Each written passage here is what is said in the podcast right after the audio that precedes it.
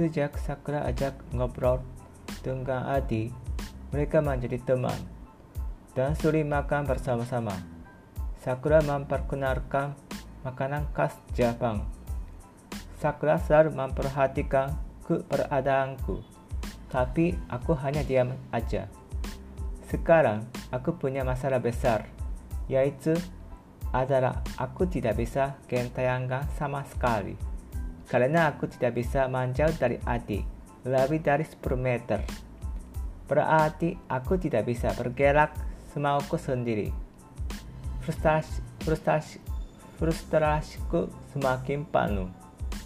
Dan ide nakal terlintas di otakku, yaitu adalah menakuti Sakura. Sepertinya Adi sudah membuka hati kepadaku.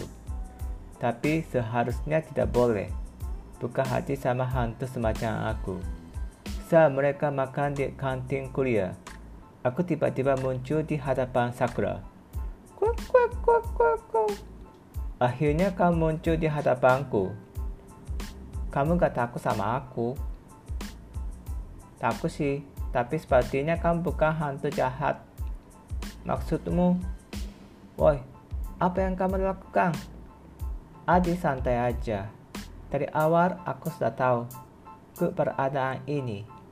Terus kau tahu siapa aku? Minta maaf. Aku baru pertama kali melihat hantu kayak begitu. Kenapa tangan dan kaki diikat? Karena aku benci orang Jepang.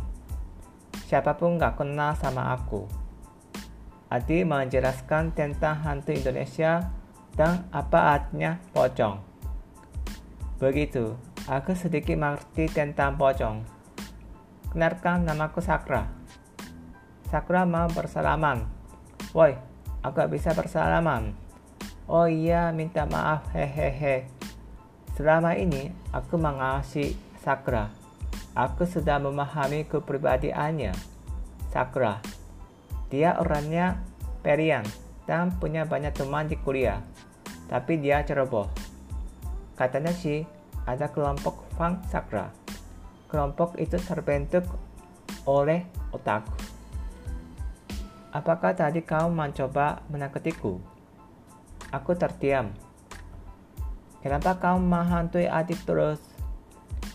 Aku menolehku arah Adi. Dan aku tunjukkan ekspresi wajah dan postur bahwa minta menjelaskan keadaanku kepada Sakra.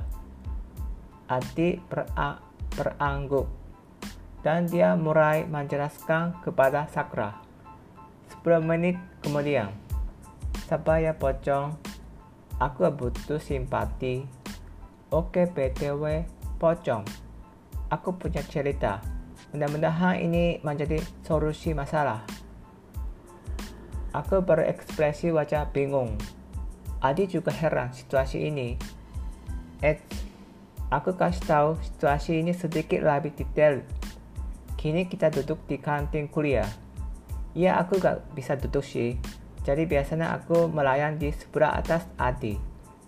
Dan saya bisa meng mengkontrol wujudku untuk siapa saja yang bisa melihatku. Jadi sekarang Adi dan Sakura saja yang bisa melihat wujud aku. Ayo lanjut ceritanya. Adi pocong, kosku angker. Angker? Aku berasal dari Kobe. Satu bulan yang lalu, aku pindah ke Tokyo. Iya, apakah Sakura tinggal di kos sendirian? Iya.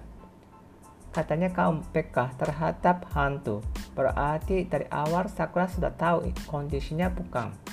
Ya sih, tapi masalahnya awalnya aku tidak merasakan keanehan sama sekali. Tapi satu minggu ini, setiap malam dia gentayangan di kosku. Hantu apa? Sadako. Sadako? Hantu legenda Jepang